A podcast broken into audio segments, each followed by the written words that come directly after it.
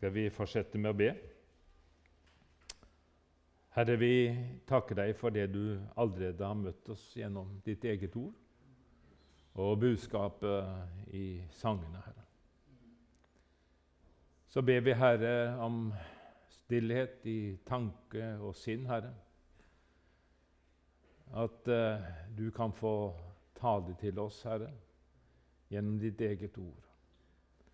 At Din Hellige Ånd må få åpenbare ordet for oss, Herre, slik som bare du kan, Herre. Herre, så ser du hva vi trenger til, hver enkelt av oss. Herre, du kjenner oss, vet om vår trang og behov, Herre. Vi er som en åpen bok for deg, Herre. Vi har ingenting å skjule. Herre, se nåde til oss. Amen. Ja, vi skal lese sammen ifra Lukas 10. Og vi skal lese de siste versene der i Lukas 10. Det er om Martha og Maria, hvis dere husker det, ifra vers 38. Eh, der står det Mens de var på vandring, kom han inn i en landsby, og en kvinne ved navn Martha tung imot ham i sitt hus. Hun hadde en søster som het Maria. Hun satte seg ved Jesu føtter og lyttet til hans ord.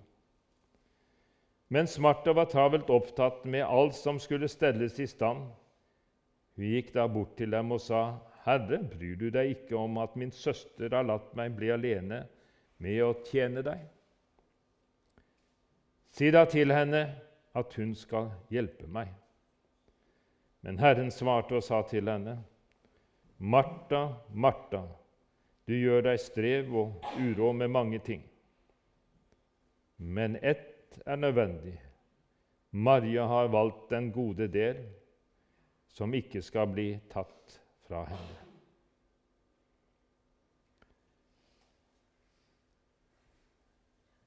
Vi sier eh, gjerne slik at 'jeg har hundre ting å være opptatt med'. Ja, det er sikkert ikke sant, men men vi kan gjerne si det. Det er 100 ting vi er opptatt med, og som kan kanskje virke veldig interessante. Men kanskje bare en del av dette, f.eks. ti ting som kan være veldig viktig for oss. Da er vi nede på det planet.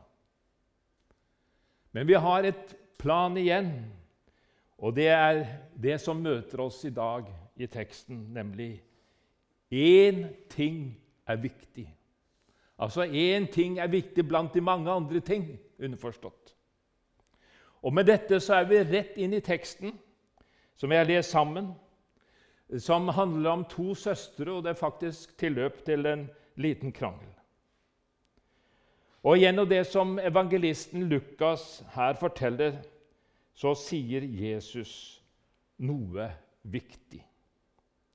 Og Det kan gjerne være en god øvelse det er at vi hører, lytter eh, til en bibeltekst. Det er å tenke igjennom hvem ligner jeg mest på av disse vi hører om, i dette tilfellet Martha og Maria. Hvordan er mitt forhold til, Guds, til Gud, Jesus og Guds ord? Er det slik at jeg er mest opptatt av meg selv? Hva jeg skal gjøre, eller av det Jesus har å gi meg. Livet er slik med oss at det består av mange valg, og det gjelder å finne ut hva som er best. Og I den tiden når vi lever i, og i, i samfunnet, så er fokus gjerne satt på alt hva vi skal gjøre. Og Forholdet som Jesus hadde til Martha og Maria, gir faktisk mye å tenke på. Og de åndelige sannheter som kommer til oss, faktisk en ramme av spenninger mellom personer, hvor Jesus sier én ting er viktig, én ting er nødvendig. La du merke da du kom til menigheten i dag, at der oss her fins det også personer som har oppgaver som de gjør for deg og for de andre til fellesskapets beste. Og det de gjør, det gjør de for Jesus. Noen er teknikere og styrer lyd gjennom mikrofoner og tekst og bilder på skjermene. Noen er forsangere. En spiller et instrument. Noen synger alene, solo. Noen har ønsket velkommen. En er møteleder. Noen skal undervise barna. Og noen steller i stand til kaffe og kaker i etterkant av møtet. Jeg tror at Martha også kunne se det slik, at hun i likhet med slik det er her i dag, gjorde sin tjeneste for andre, deriblant for Jesus. Jeg tror også Martha iblant kunne kjenne på glede og takknemlighet over å kunne delta selv. Og Nå tilbake til tekstens begynnelse igjen. Jesus han er på vandring. Jesus han besøker gode venner i et kjært hjem. Og Både evangelistene Lukas og Johannes får fram at Jesus hadde et nært forhold til søsknene Martha, Maria og Lasarus. Jesus og hans disipler de er på vandring i området ved Jerusalem. Og så er det at de besøker hjemmet der i Betania. Men allikevel så var det ikke et, et besøk som da skjedde daglig, altså hver dag. Men de ønsket å gjøre ære på Jesus, som for dem var en helt spesiell gjest. Altså Martha og Maria fikk besøk av Jesus i sitt hjem. Begge kjente og trodde på Jesus. Men det vi skal legge merke til, det er at søstrene velger så forskjellig i måten å opptre på når Jesus kommer. Martha hun er den aktive. Det står at hun tok imot ham og tok imot Jesus. Altså ønsket Jesus velkommen i sitt hus. Og så står det at hun hadde en søster. ja. Og da var det at Martha gikk bort til dem og sa Og hun hadde et budskap til Jesus. Ja, og hun syntes selv at hun måtte ordne opp nå. Og vi kan si at bemerkelsesverdig er valget til Maria. Hva er det hun gjør? Altså I den hektiske mottagelsen for Jesus og hans disipler og hans følge så setter Maria seg ned for å lytte, for å høre. Men Martha hun vil vise en stor, en stor, solid gjestfrihet. Og Gjestfriheten i denne sammenhengen her betyr vanligvis mye mer arbeid. Men Jesus han setter seg ned og underviser disiplene. Og da er det da Maria slår seg sammen med dem og setter seg sammen. Og så forteller teksten vår at det ble travelt for Martha og i stellestand. Og ifølge grunnteksten så står det at Herrens, her, hennes sinn var trukket i mange retninger. Altså, hun ble dratt omkring hun ble distrahert. Og tilsynelatende så var Martha ikke opptatt med å alene å tjene deg, som jeg leste. Men da er spørsmålet om det var andre forhold som preget Martas tanker enn det hun tross alt tjente Jesus. Og hvilke tanker og følelser tror du Martha var opptatt av? Ja, Vi ser det slik at Martha ble irritert over at Maria ikke hjelper henne. Og det er da Martha gir utløp for sine følelser ja, og indirekte sier egentlig flere ting. Det er akkurat som, du, det er akkurat som hun sier, 'Ser du meg, Jesus, at jeg strever alene?' Dernest er som hun sier, 'Må du be Maria skjerpe seg, så hun begynner å hjelpe til. Og så er det Martha prøver å, ha den oppfatningen Maria hun trenger en skikkelig streng irettesettelse, og hun vil at Jesus skulle gjøre det. Men Jesus han lar seg ikke styre av dette. Jesus nevner navnet til Martha to ganger. Og det er akkurat som Jesus sier. Jeg har sett deg, Martha. Jeg bryr meg om deg. Men du må ikke begynne å kontrollere søsteren din, for akkurat nå, her og nå, så har din søster prioritet rett. Maria hun har skjøvet andre ting til side for å høre evangeliet. Og kanskje du, Martha, skal se det som en gave til søsteren din at hun her og nå får høre denne undervisningen. Og Vi kan gjerne spørre oss selv hvordan uttrykker vi gjestfriheten når vi får besøk. Og Vi kan stille spørsmål, vi skal ikke svare på de her, men hvilke tanker og følelser tror du Martha var opptatt av? Ja, hva var det som distraherte Martha? Jo, det var jo arbeidet i huset. Og for noen andre så kan det være andre ting som distraherer, som er til hindring. Vi kan begynne å tenke etter for vår egen del.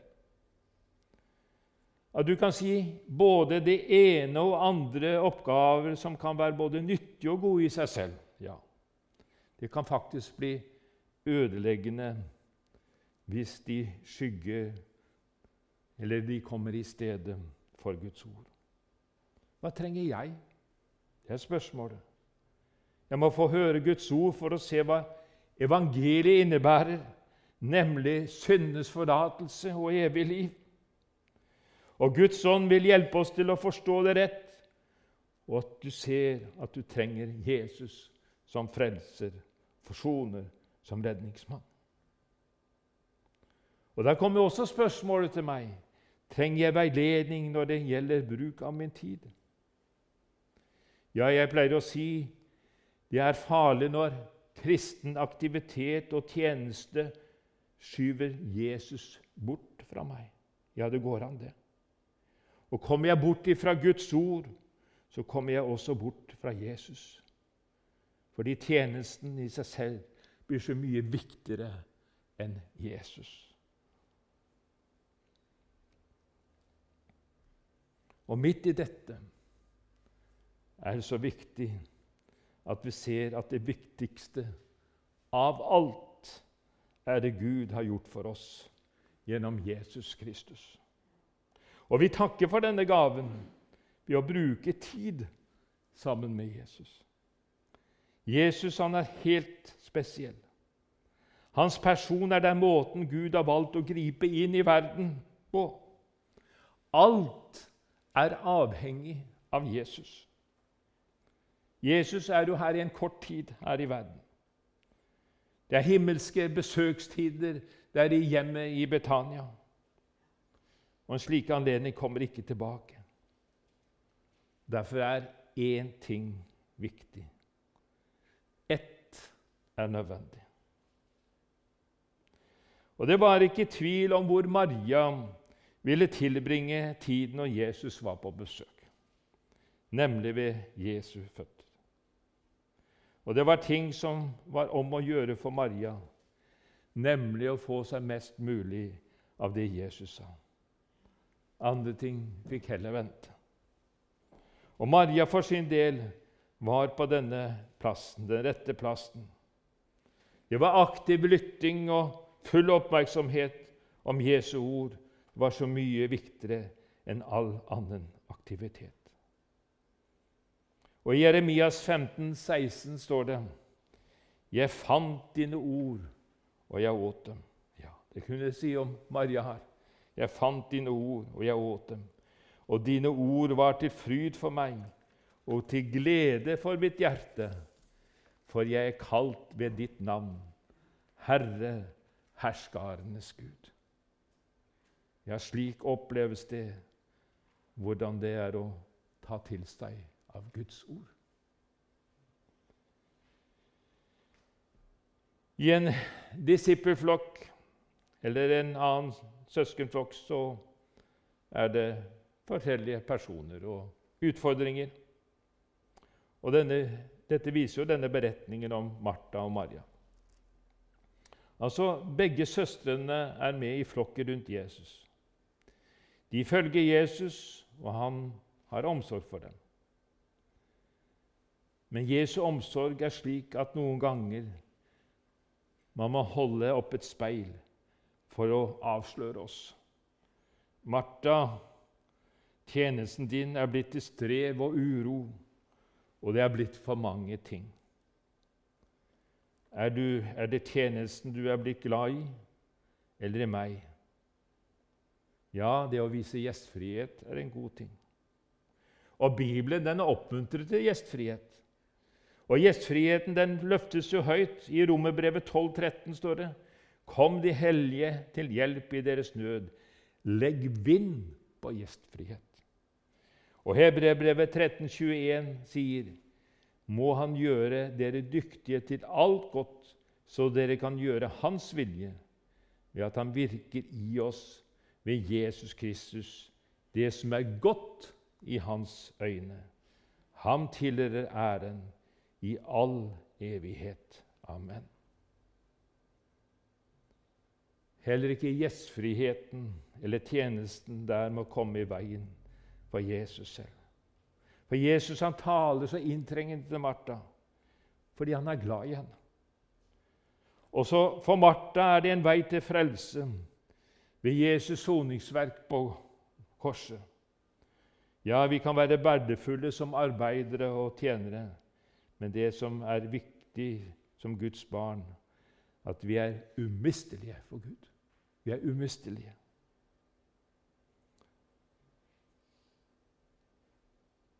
Jesus han forakter ikke praktisk arbeid i huset. Det er ikke det som tales om her. Han foraktet ikke god mat. Han foraktet ikke gjestfrihet. Men poenget er at du og jeg skal prioritere forskjellig til forskjellige tider. Altså, gode ting må ikke hindre oss å søke Guds rike når Guds rike er kommet nær. Og En dag skal alt i denne verden tas fra oss, men det som står og blir til evig tid, er ordet fra Herren Jesu munn. Og det gjelder nå å ta imot. Vil vi lære av Jesus om å prioritere rett? Han sier ett er nødvendig. Én ting er viktig. Og hvordan kan det få betydning for mitt liv i dag? Maria hun valgte å prioritere Jesu forkynnelse. Dette er også et valg for meg. Hver dag må jeg velge ved Jesu føtter ei stille stund.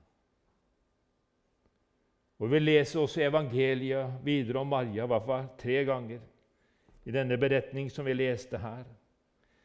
Og når Lasarus var død, så klaget hun sin nød til Jesus. Og tredje gangen, med kostbar nardussalve, så salvet hun Jesus sine føtter. Og da var det ingenting å be om for henne. Da var det takknemlighet og glede. Og valget til Maria er ikke ett blant mange mulige. Jesus understreker ett er nødvendig, at det er det eneste som gjelder her. Som jeg nevnte, Maria var opptatt av én ting å få være mest mulig sammen med Jesus og høre hva han har å si. Hun gjorde som disiplene satte seg ned og lyttet til ordet. Og Det minner oss faktisk om Elisa, som er disippel av Elias, som ba om et dobbelt del av profeten da han skulle forlate ham. I 2. kongebok 2, 9-10 står det da de var gått over, altså elva Jordan, sa Elias til Elisa, si hva du ønsker jeg skal gjøre for deg, før jeg er blitt dratt bort fra deg. Og Elisa sa, la meg få dobbelt del av din ånd. Han svarte, det er en stor ting du ber om. Hvis du ser meg når jeg blir tatt bort fra deg, skal du få det som du ber om. Ellers får du det ikke.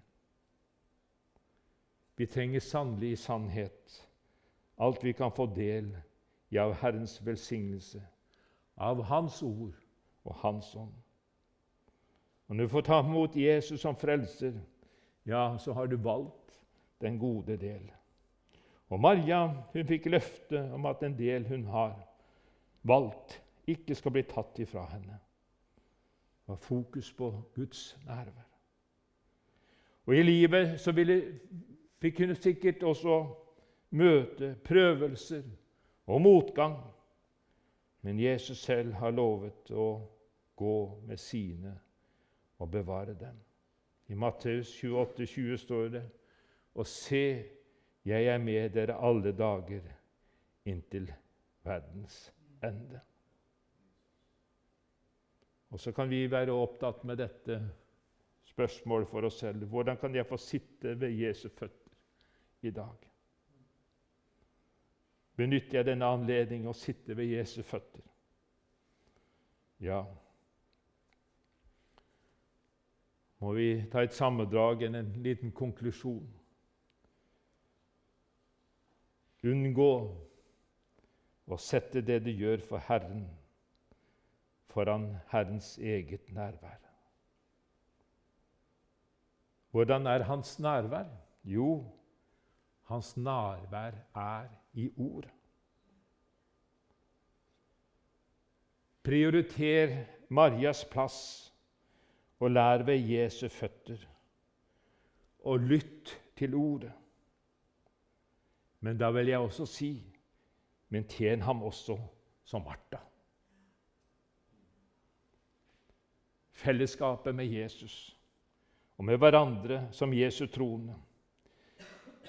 vi er avhengig av ordets nærvær. Fordi fellesskapet det er bygd på Guds ord. Og den gode del det er budskapet om hva Jesus er og har gjort for deg, som ikke skal tas fra deg. Og Derfor vil jeg avslutte det slik. Inn i Ordet, inn i Guds nærvær, ut i tjeneste. Amen.